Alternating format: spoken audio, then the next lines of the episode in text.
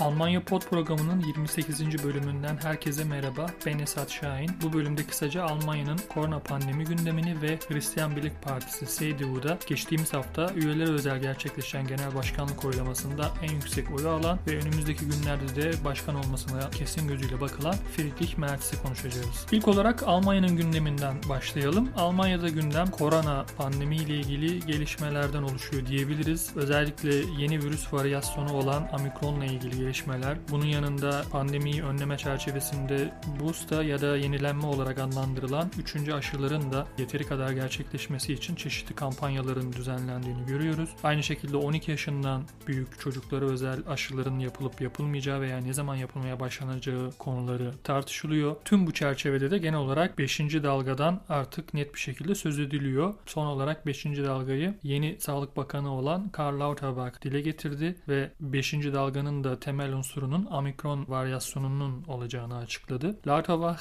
konuyla ilgili yaptığı açıklamalarda omikron varyasyonunun bu zamana kadarki varyasyonlardan çok daha tehlikeli olduğunu söyledi ve bu varyasyonda virüsün çok daha hızlı yayıldığını gözlemlediklerini söyledi. Tabi tartışılan konulardan biri de Almanya'da önümüzdeki günlerde bir lockdown gerçekleşip gerçekleşmeyeceği ile ilgili. Özellikle Noel arifesine girildiği şu günlerde insanlar çok fazla seyahat etmek istiyor, aileleriyle bir araya gelmek istiyor veya alışveriş yapmak istiyorlar. Bu nedenle bir lockdown uygulamasının gelip gelmeyeceği, önlemlerin ne kadar sertleştirileceği gibi konular oldukça yoğun tartışılıyor. Fakat son olarak konuyla ilgili Sağlık Bakanı Lauterbach Noel'e kadar bir lockdown gerçekleştirmeyi planlamadıklarını açıkladı. Bu noktada bir garanti verdi diyebiliriz. Rakamlara bakacak olursak aslında son haftalarda oldukça yüksek vaka sayılarını görmüştü Almanya. Son olarak cumartesi günü de 50 binin üzerinde ülke genelinde yeni vaka tespit edildi. Tabi biraz düşmüş görünse de 5. dalga artık net bir şekilde dile getiriliyor. Az önce değinmiştim. Sağlık Bakanı Lauterbach özellikle omikron varyantının burada temel unsur olduğunu söylemişti. Bu konuda da yaptığı açıklamalarda özellikle yoğun bakım ünitelerinde, hastanelerde çok büyük zorluklar yaşanabileceğini açıkladı. Tabi asıl zorluğun ise gündelik yaşamda, toplumsal yaşamda olabileceğini açıklamıştı. Yine Lauterbach yaptığı açıklamada aslında alınacak en temel önlemin yenilenme veya bursa denilen 3. aşıların yapılması olduğunu açıkladı. E aynı şekilde Robert Koch Enstitüsü Başkanı Wieler de yeni varyasyonla ilgili açıklamalar yaptı ve tehdidin büyüklüğünden bahsetti. Bir gazetecinin korunmak için ne yapılması gerekiyor gibi bir sorusu üzerine de aşı, aşı ve aşı diye kısa bir cevap verdi. Özellikle her alanda maske takmaya devam edilmesinin gerektiğini vurguladı Wieler. Aynı şekilde sosyal mesafe kurallarına uymanın öneminden bahsetti. Büyük etkinlikler ve toplantıların düzenlenmemesi gerektiğini, eğlence mekanları, club ve diskolarında kapatılması gerektiğini söyledi. Aynı zamanda 2G denilen kuralın uygulanmasının ve kontrol edilmesinin öneminden bahsetti. Nedir bu 2G kuralı? Yani Geimpft und Genesen yani aşı olanlar ve hastalığı yeni atlatan insanların sadece bu kişilerin kapalı mekanlara hatta toplu taşımalara girebilmesiyle ilgili kural. Aşı olmayanlar ve hastalığı yeni atlatmış olmayanlar daha önceden test yaparak toplantılara katılabiliyor veya günlük hayatlarına devam edebiliyordu. Fakat bu yeni kuralla birlikte aşı olmayan insanların veya hastalığı yeni atlatmamış olan insanların Almanya'da gündelik yaşamları son derece kısıtlı hale geldi. İşte tam da bu nedenlerle ve yeni önlemlerin alınacak olmasının gündemde olması, lockdown'un geliyor olması Almanya'da çok büyük protestolara neden oluyor. Bu protestolar tabii uzun zamandır devam ediyordu fakat son günlerde, son haftalarda yine çok yüksek katılımın olduğu ve önemli şiddet olaylarının olduğu protestolar gerçekleşti. Özellikle geçtiğimiz cumartesi günü benim yaşadığım Frankfurt şehrinde büyük bir protesto gerçekleşti ve şehir içerisinde adeta bir kaos ortamı oluştu. Polis gaz spreyleri atmak zorunda kaldı, gözleri çarpıcı bombalar atmak zorunda kaldı, coplarla saldırılara geçtiler. Çünkü aslında polise saldırı düzenlendi. Bunun yanında tabii gösteriler sırasında antisemitist ifadelerin açık şekilde yapıldığı gözlendi. Bazı bilinen büyük Yahudi ailelerin isimleri verilerek bu ailelerin insanlığa karşı savaş açtığı ve onlara karşı savaş açılması gerektiğini ifade eden açıklamalarda bulundu bazı göstericiler. Almanya'da bu tarz izinsiz protestoların daha da genişlemesi ihtimali bulunuyor. Çünkü göstericilerin özellikle sosyal medyada networklerini genişlettiği ve protestoları düzenlemek için daha fazla bir araya geldiği biliniyor. Son dönemde Berlin'de, Freiburg'da ve az önce değindiğim gibi Frankfurt'ta büyük gösteriler oldu. Sadece de tabii Almanya'da değil, örneğin Hollanda'da ve Avusturya'da da bazı gösteriler oluyor. Orada da şiddet olayları yüksek seviyede görülüyor. Son olarak Viyana'da 2000'in üzerinde kişi şehrin tarihi meydanı Stepandum Kilisesi'nin olduğu bölgede bir aşı merkezine saldırmak istediği ve bunun bunun da polis tarafından zorluk içerisinde önlenebildiği görülmüştü. Bu tarz protestolarla ilgili son olarak Almanya'nın yeni Aile Bakanı Nancy Faeser kamuoyuna düşüncelerini paylaştı ve bu tarz göstericilere müsamaha gösterilmemesi gerektiği ve güvenlik güçlerinin daha sert önlemler alması gerektiğini açıkladı.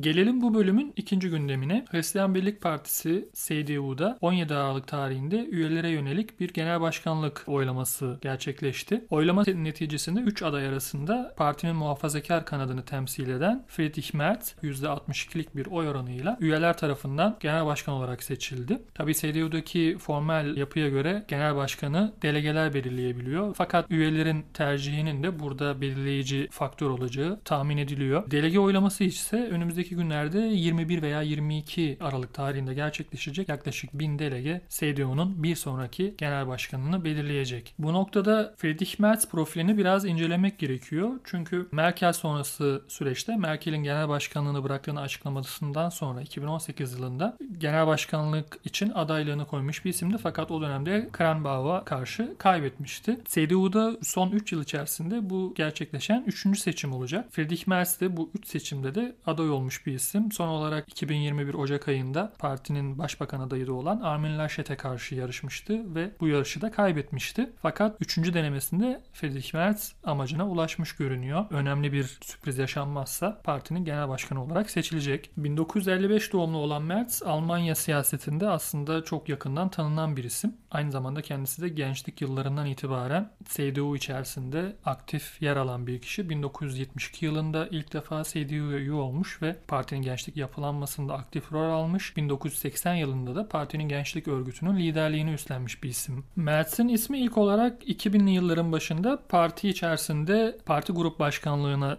seçilmesiyle duyulmuştu. Fakat 2002 sonrası süreçte Merkel iktidarları döneminde üstü çizilmiş bir isim aslında. Bizzat Merkel tarafından üstü çizilen ve partinin biraz dışında kalan bir isim olmuştu. Fakat Merz'in Merkel'le olan bir rekabetinde geri çekilmesine rağmen her zaman parti içerisinde yine güçlü bir role sahip olduğu tahmin ediliyordu ve son dönemde 3 başkanlık seçiminde de aday olması aslında bununla ilgili diyebiliriz. Son 2 seçimi kaybetmişti. Bu noktada Merkel'in tercihinin önemli bir faktör olduğu biliniyor.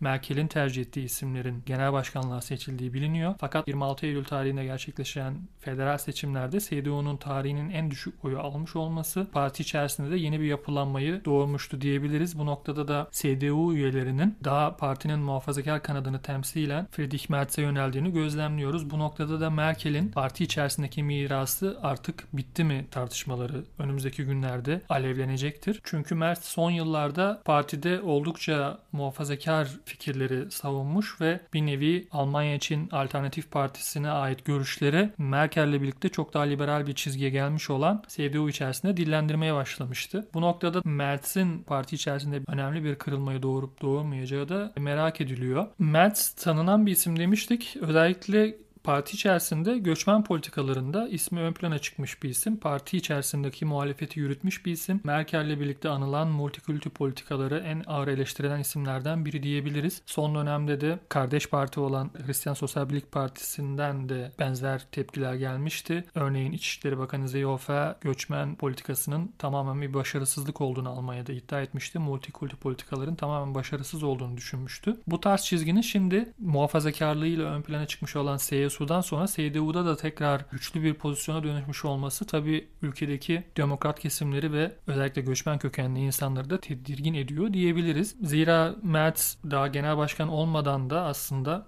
yeni göreve başlamış olan hükümeti özellikle koalisyon sözleşmesindeki göçmenlerle ilgili bölüm üzerinden ağır eleştirmekteydi. Göçmenlere açık kapı bıraktığını, Almanya'nın daha fazla göçmen almak zorunda kalacağını, yasa dışı göçmenlere açık kapı bırakan bir politikanın olduğunu iddia etmekteydi. Bu noktada da yine bu muhalefetini genel başkanlığı sonrasındaki süreçte de devam ettireceğini kesin gözüyle bakılıyor diyebiliriz. Bu anlamda CDU içerisinde Merz ile birlikte başlayan sürece karşı nasıl bir karşı hamle olacak olacak. Parti içerisinde Merkel'in politikalarını savunan veya daha ılımlı, daha modern bir CDU savunan görüşler parti içerisinde muhalefet olarak etkin olabilecekler mi? Yoksa tamamen Mertz'in tek adamlığı ve onun savunduğu fikirlerin, muhafazakar fikirlerin hakim olduğu bir yapı mı önümüzdeki dönemde gerçekleşecek? Merak ediliyor. Bununla ilgili tartışmalar devam edecektir. Ben de önümüzdeki süreçte partiyi daha yakından tanıyan, Mertz'i yakından tanıyan insanlarla sizler için röportajlar yapmak niyetindeyim. Evet bu bölümde Almanya'daki güncel gelişmeleri, korona pandemiyle ilgili süreci anlatmış olduk ve Hristiyan Birlik Partisi CDU'da genel başkanlık koltuğuna oturması artık %99 olan Friedrich Merz'i kısaca